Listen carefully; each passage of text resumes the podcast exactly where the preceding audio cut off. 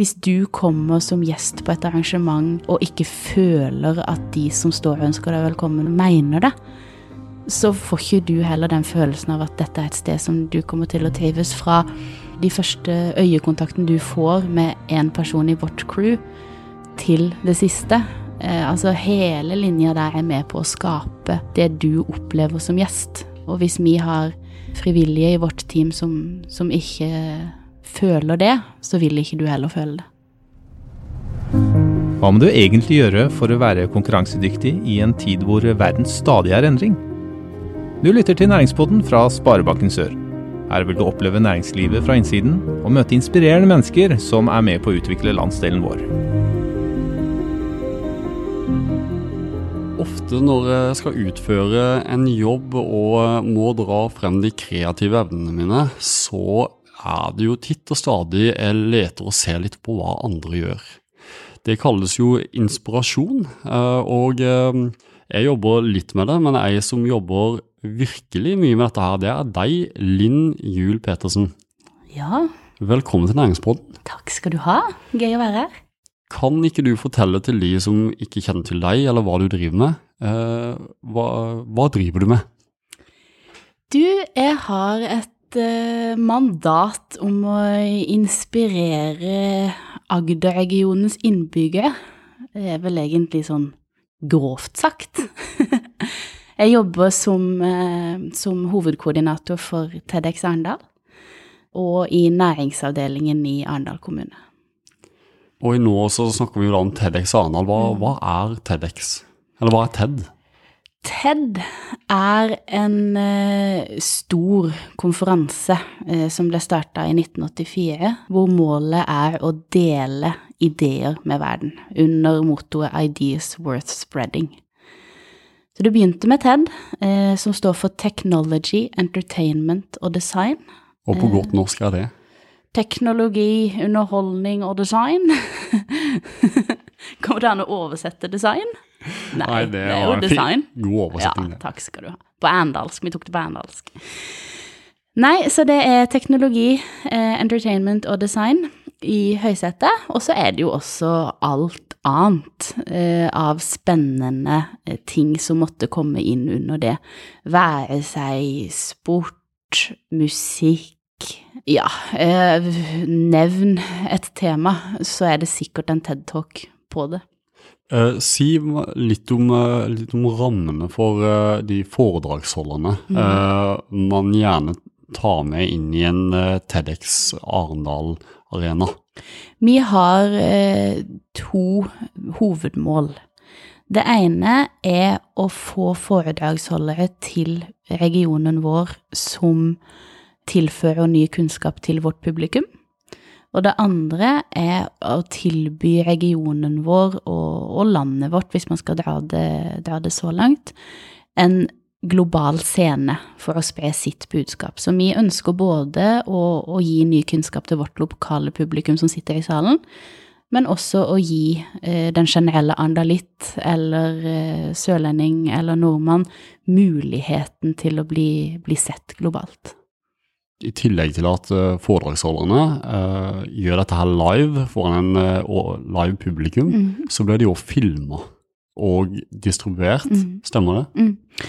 De kommer på scenen vår og står foran en fullsatt Store Torungen med 700 gjester. Og nedre del av amfiet inne på Store Torungen, det er den delen som håper å si blir med på filmen. Det spilles inn live, og foredragsholderen får én sjanse til å gjøre sin, sin talk, da, sitt, sitt foredrag. Eh, Så det er jo da 3 til 18 minutter basert på, på hva vi har blitt enige om med den foredragsholderen, og det er de minuttene som, som gjelder. Kan du si litt om eh, forhistorien? Hvor, hvor oppsto denne ideen? Den oppsto i New York eh, i 1984, og så innså de at eh, de som en egen konferanse klarte ikke å spre eh, ideene rundt nok i verden med den ene årlige konferansen de hadde, og da ble TEDX-konseptet født.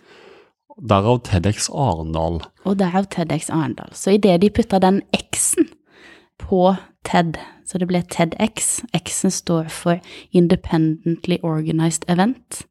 Så idet vi putta på X-en på TED og skrev Arendal bak, så står vi selv ansvarlig for vårt arrangement. Men det er ikke bare sånn at man bestemmer seg for å lage et TEDX-arrangement, og så gjør man det. Du kan se på TEDX Arendal som en slags franchise av TED. Eh, så vi, vi kjøper TED-merkevaren, og vi må nødt til å bruke TED sitt, eh, kall det, inventar, og bygge opp vår egen lokale eh, butikk her i Arendal. Så vårt arrangement er jo egentlig et regionsarrangement for Agder. Men det å kalle det for TEDX Agder var ikke lov fra TED sin verden, så da ble det TEDX Arendal, som er byen det, det arrangeres i. Vi prøver nå eh, mer og mer og mer å bevisstgjøre folk om at dette er et regionsarrangement. Eh, vi vil veldig gjerne strekke oss på hele, hele, kystlinja og innover i landet og ha med så mange som overhodet mulig. Tidligere så har vi satt opp busser fra Kristiansand for å prøve å få kristiansandere til å komme. Eh, vi syns det er vanskelig. Det er, det er, en utfordring som vi jobber med. Eh, jeg vet ikke om du har sett den nye logoen som vi har laga, hvor vi prøver å illustrere dette her. Og det er en, en logo med elementer fra hele regionen vår rundt selve logoen, som vi har TEDX Arendal i midten, og så har vi blant annet et bilde av Julius som klatrer i en palme, Eh, så da får du med liksom de elementene fra Kristiansand. Vi har med UiA, vi har med sykehuset, selvfølgelig Kulturhuset i Arendal. Men vi har prøvd å illustrere det på best mulig måte med å trekke inn elementer fra, fra hele regionen vår. Så det er overhodet ikke et arendalsarrangement. Så var det folk fra Telemark og Kristiansand og innover i landet, ikke minst, eh, ja, hjertelig velkommen. Kjempevelkommen. Og vi er jo lykkelige når vi hører at det kommer tilreisende fra andre steder for å delta på vårt arrangement. Vi har, vi har hatt en del reisende fra Oslo som har kommet ned og tatt helga i Arendal tidligere, og det er vi jo kjempeglade for. Men det er klart at vi ønsker jo å, å markedsføre dette mest mulig i vår region Bra. Um, jeg vil også snakke litt om du, Linn. For det, du har tidligere nevnt at uh, TEDX uh, har på mange måter vært uh, din fotball- og håndballbane. ja. Kan ikke du fortelle litt om det? Nei, eh, TEDX eh, Arendal har jo vært min hobby. Eh, siden jeg ble dratt inn i dette herlige sirkuset i 2015. For meg så har det vært en helt unik arena. Jeg, jeg har bodd lenge utenfor Arendal. Og så har TEDX Arendal vært min, min, inngangsport til å komme tilbake til Arendal, til å få meg et nettverk, profesjonelt og sosialt. Eh, ja, og til å få lov til å holde på med det jeg syns er gøyest i verden, nettopp det å holde på med arrangement få lov til å skape den, den, arenaen hvor gjester og publikum møtes, og du ser smila, og du ser at de har det gøy, og du skaper en opplevelse for, for den unike gjesten, da. Det, det, har jeg fått lov til å drive med på frivillig basis. Du begynte som frivillig, men nå er du leder for hele teamet? Ja, jeg begynte i 2015 med å dele ut flyers. Da, da bodde jeg fortsatt i Oslo. Så jeg reiste ned for å, for å, være med og dele ut flyers, eh, og bare være med på det, fordi jeg skjønte at dette, dette kunne potensielt være veldig gøy.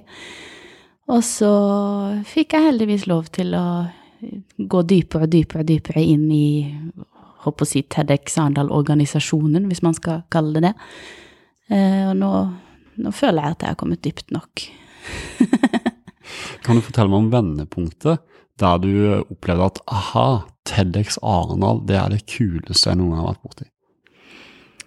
Vendepunktet Jeg tror egentlig TEDX Arendal har vært det kuleste jeg har vært med på siden den dagen jeg blei med. Eh, det som er litt unikt med Eller jeg vet ikke om det er unikt, men, men i hvert fall for meg, da, med TEDX Arendal, er at det er det du gjør det til. Eh, for min del så kjente jeg at når jeg hadde stått og delt ut de flyersene, at det holdt ikke.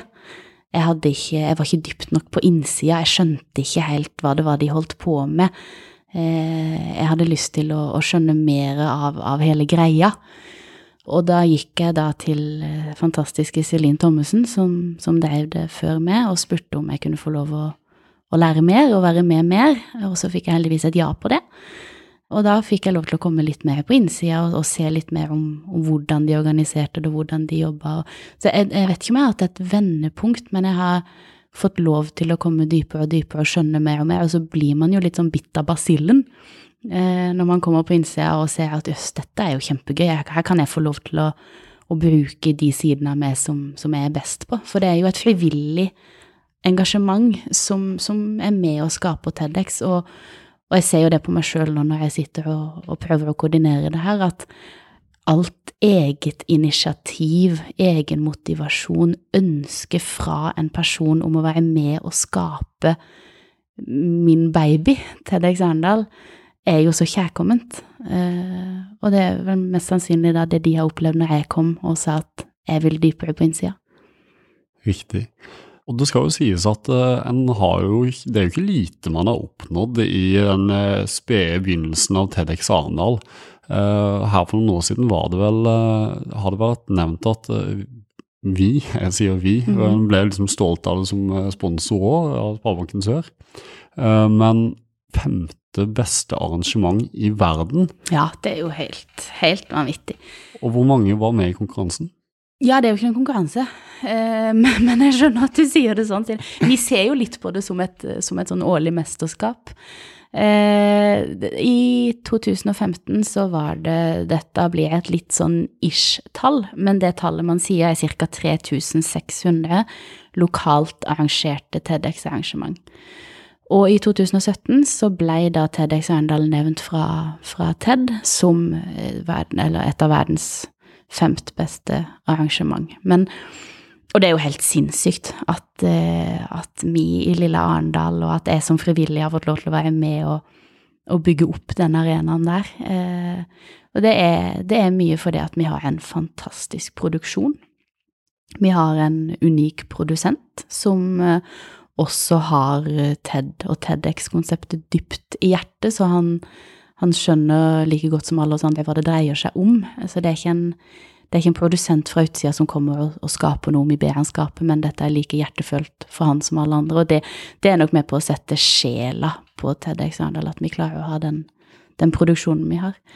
Hvor viktig er sjela i et arrangement? Å, det er viktig. Det er kjempeviktig. Hvis du kommer som gjest på et arrangement og ikke føler at de som står og ønsker deg velkommen, altså mener det, så får ikke du heller den følelsen av at dette er et sted som du kommer til å trives fra. Fra første, de første øyekontakten du får med en person i vårt crew, til det siste. Eh, altså hele linja der er med på å skape det du opplever som gjest. Eh, og hvis vi har frivillige i vårt team som, som ikke føler det, så vil ikke du heller føle det. Og du, du nevner at dette er det sjette mm. året eh, TEDx Arendal arrangeres. Mm. Det har på en måte vært, eh, vært endra eh, radikalt hvert år. Men det er jo ikke bare for endringens del, vil jeg anta. Eh, kan du si noe om hva dere har lært på veien? Du, vi begynte det, TED gir ut to typer lisenser. Nivå 1 og nivå 2. Alle må begynne på nivå 1. Da har du lov til å ha tre timer med 100 deltakere. Når du har gjort det, og hatt en liten tur ned til TED for å lære litt, så kan man få lov å søke om en lisens nummer to. Og det er den lisensen vi i TEDx Arendal har nå. Så vi begynte som et bitte lite arrangement, og så har vi på en måte tatt stega og, og kall det testa regionen vår, da til hvor store vi har potensial til å bli med vårt lokale publikum. Og i 2017 så, så var vi vel enige om at vi nådde det målet, og kanskje blei litt for store. Eh, og i etterkant av 2017 så var vi en gjeng som satte oss ned og begynte å jobbe mot, eh, mot neste arrangement og snakka med alle som, som, hadde lyst til å snakke med oss, og fikk alt mulig input, og, og har da endt opp med, med årets konsept, som, som, på en måte snevrer det hele litt inn igjen. Eh, så det er jo ikke det at vi endrer fordi at vi har lyst til å endre, men vi er på en måte på konstant jakt etter det perfekte konseptet for vår region, da, det perfekte TEDx Arendal-konseptet. Og igjen, da, altså som i 2013, 14, 15, 16, 17, så er vi nå i 2019 og innbiller oss at vi har nå har vi funnet det perfekte konseptet. Men så gjenstår det jo da å gjennomføre TEDx Arendal 2019 med årets konsept, for å se om det er det konseptet vi, vi nå lander på. Vi håper jo det, for det, det er litt sånn som når, du, når jeg får spørsmålet ja, hva er TEDx Arendal, hva er konseptet? Så det, det, det, er jo så vanskelig, for det, det endrer seg jo hele tida, og vi har jo ikke lyst til å få Altså, det skal alltid komme overraskelser på et TEDx Arendals-arrangement. Du skal aldri vite helt hva du går til, men de store rammene har vi veldig lyst til at skal lande sånn at man vet at det er så mange timer, det er så mange foredragsholdere, det skjer noe på scenen, det skjer noe på utsida av scenen. Akkurat de rammene der har jeg veldig lyst til at den, den generelle eh, borger skal vite. Linn, du har nå vært med i på det sjette arrangementet eh, med TEDx Arendal. I tillegg så har du òg eh, lagd mange arrangementer tidligere. Hva er det mest krevende med å, å lage arrangement? Det er jo veldig forskjellig. Uh, tidligere så har jeg arrangert mye internt i store selskap. Da har man jo arbeidskraft som er med og gjør dette i arbeidstida. Uh, noe som er helt annerledes fra TEDx Arendal, hvor man har en svær gjeng med frivillighet det mest krevende med TEDx Arendal er å klare å uttrykke hvor mye jeg setter pris på den frivilligheten. Altså å se disse menneskene som, som skaper dette her. Altså, TEDx Arendal er ingenting med bare. Eh, jeg er totalt avhengig av hvert minutt hver frivillig ønsker å dedikere til TEDx Arendal. Og det er det jeg syns er vanskeligst, å liksom være trygg på at de forstår hvor mye de betyr. For jeg løper rundt fra møte til møte for å på en måte selge inn TEDx Arendal og fortelle partnere, eh, stakeholders, hva TEDx Arendal er, for å liksom sikre ramma for at vi får lov til å holde på med det her. Og så er det jo en haug med frivillige mennesker som også fortjener å bli sett og skrytt av og løfta opp i skyene. Eh, så, så, det syns jeg er, er, det vanskeligste, å, liksom, å føle meg trygg på at de skjønner hvor mye de betyr. Hva, hva ser du etter når du, eh, du søker etter nye frivillige? Um, det som vi ser etter med det konseptet vi har nå, og som vi ønsker å fortsette, er mennesker som ønsker å bruke TEDx Arendal til å eh, få lov til å jobbe med noe de ikke får lov til å gjøre kanskje i sin faste jobb. Si du jobber med salg, men har veldig lyst til å bli bedre innenfor HR eller markedsføring, så kan du komme til oss og gjøre det. Du kan komme til også å få et ansvar innenfor å lede mennesker. Du kan komme til også å få lov til å være med opp og bygge opp våre sosiale kanaler, og få det på CV-en. Noe du kanskje ikke får gjort i, i den stillingen eller jobben du har eh, andre steder. Og vi, vi, har jo også mange som flytter til regionen vår, som ønsker å være med i TEDx Arendal for å skape seg et nettverk. Og da er det jo også eh, å finne de frivillige som besitter etter en type kompetanse som de kan få lov til å bruke hos oss. Derfor vi trenger jo all mulig kompetanse for å klare å gjennomføre det her. Og, og det å finne de som har lyst til å bruke sin, sin, kompetanse, eller bygge opp sin kompetanse i vår verden, eh, det er jo de vi søker. Samtidig som at vi trenger de som ønsker å stå og være et fantastisk stort smil, og de som egentlig ønsker å være litt bak kulissene og bære stoler. La oss si at en av lytterne våre ikke skal ha et arrangement med 700 gjester og publikum, men ha et lite internarrangement kanskje i eh, bedriften sin, eller et mm. kundearrangement. Mm. Har du et tips til dem? Uh, har du et tips til dem? Åh, det er så mange tips. Det er jo en, eh, en hel bok av tips. Uh, finn de riktige menneskene i bedriften din. Ikke, ikke let etter roller, ikke let etter en person som sitter i en stilling som gjør at de har tid eller mulighet til å gjøre dette. Finn individet som ønsker å bygge opp dette arrangementet internt, og bygg på det. Hvis ikke du har eh, den iboende passion og ønsket om å lage et arrangement for dine kollegaer eller for dine kunder eller hva det er, så kan du ikke pålegge det arrangementet på noen. Så du må, du må nødt til å finne de som vil. I og med at du har en hel bok her, har du et par uh, tips til, eller? Et par tips til? Um, du må ha tid til det. Du må ha tid til å sette deg ned og lage et program som ikke bare består av de som har tid til å være på scenen, men å finne de som du vil ha på scenen, som kan spre det budskapet du ønsker å spre. Og hvis ikke du finner det, eh, så, så, så bruk de neste år. Da legger du det temaet til sides, og så ble det ikke det snakka om i år, men da blir det snakka om neste år.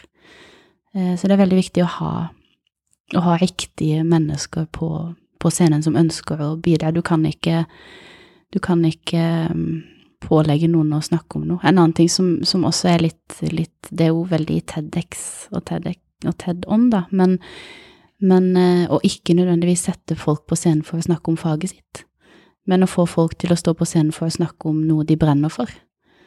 Snakker du fag, så blir det ofte litt tørt å høre på.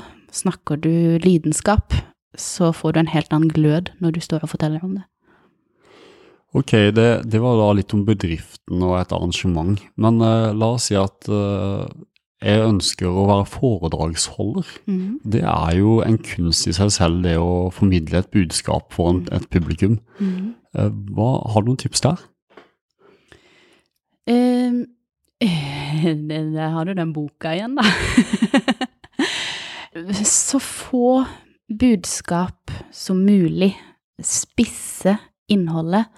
Vite hva du ønsker å fortelle, og ikke eh, ikke spinne av gårde. Det er veldig fort at når man, når man, begynner å tenke på hva man skal si, så kommer du på en ting, og så kommer du på en ting til, og så har du egentlig gått bort fra det du egentlig skal snakke om, og så har du laga et sånn sammensurium av det du tror at noen har lyst til å høre på, eller egentlig det du har lyst til å fortelle. Eh, så ofte så glemmer man lytteren, og så spinner man historien til noe man sjøl føler at er kjempeviktig å fortelle, som den gangen på stranda når du fant det skjellet, og det bare gjorde at du oppdaga altså, man, man, spinner inn i sånne, sånne, historier som egentlig er totalt urelevante. Så det er det å, å, klare å plukke vekk det urelevante og holde det man skal snakke om, relevant. Og så er det en typisk feil som, som mange gjør, er at du begynner å tenke på hva du har lyst til å si, og så går du rett på powerpointen. Du begynner å lage powerpointen egentlig før du vet at du skal si, og så begynner du å finne de fine slidesa og så bilder av den jordkloden som du skal ha der fordi at du skal snakke om bærekraft, og så har den jordkloden vært brukt i alle andre bærekraftstalks, eh, foredrag. Nå er vi tilbake til talk, for det er det jeg snakker om. men, eh, men eh, finn ut hva du har lyst til å fortelle. Finn de gode setningene og de gode budskapene Begynn å lage manus ut fra det, og så kan den sliden og den powerpointen være sekundær hvis du ser at du trenger den. Det aller beste er jo å kunne klare å stå på en scene uten å ha et, eh, et slideshow bak seg, for det, det, trekker fokus vekk fra du og over på sliden. Veldig gode tips der, altså. Um, TEDX handler jo om å spre ideer. Mm. Hva er det som er så viktig med å spre ideer? Litt sånn hårete så ønsker jo TED og TEDX å gjøre verden til et bedre sted. Og det får man kun til ved å spre gode ideer til mennesker som kan la seg inspirere av andres ideer. Se ting på nye måter, få nye innfallsvinkler, la seg motivere mennesker som har fått til noe. Mi sier jo at du kommer ikke til å gå på TEDX Arendal å bli bedre i faget ditt. Men kanskje du blir en litt bedre person, og kanskje du blir litt mer motivert til å gjøre faget ditt. Har du en historie fra hvor du har egentlig opplevd dette her sjøl? Ja, det er mange av de. Eh, jeg har ikke noe sånn konkret hvor jeg har gått ut og gjort ting bedre, men, men eh, det er jo mange talk som jeg har sett som har gjort at jeg har fått troa på at det går an å gjøre ting jeg gjør nå, bedre og annerledes, ved å putte inn eh, tankemønster som de har. Eh, ved å, å, å, la ting skje, ved å stole på at ved å tørre å ta det steget utenfor komfortsonen, så bærer det faktisk noe med seg. Det å høre mennesker stå på scenen og fortelle at jeg trodde egentlig at jeg måtte gjøre ting på denne måten, men idet jeg gjorde det på en annen måte, så åpna det seg en helt ny verden. Den type inspirasjon, å bare høre folk si det man egentlig kanskje har lyst til å gjøre selv, og tenke på å gjøre selv, eh, men de har faktisk gjort det, så gir det meg litt sånn det Ok, hvis de har klart det, så kan jeg klare det. Walk the talk. Ja, litt sånn. I 2017 eh, hadde tidenes beste arrangement, kåra av TED. Hvilken video eller eh, hvilket foredrag var det som eh, gikk til topps? 2017 hadde jo veldig mange talks. Det som er litt spennende med, med nettopp den TED-verdenen vi lever i, da, hvor vi skal komme på TED og bli spredd av TED og sånn, eh, det var først i år at en av våre 2017-talks gikk viralt.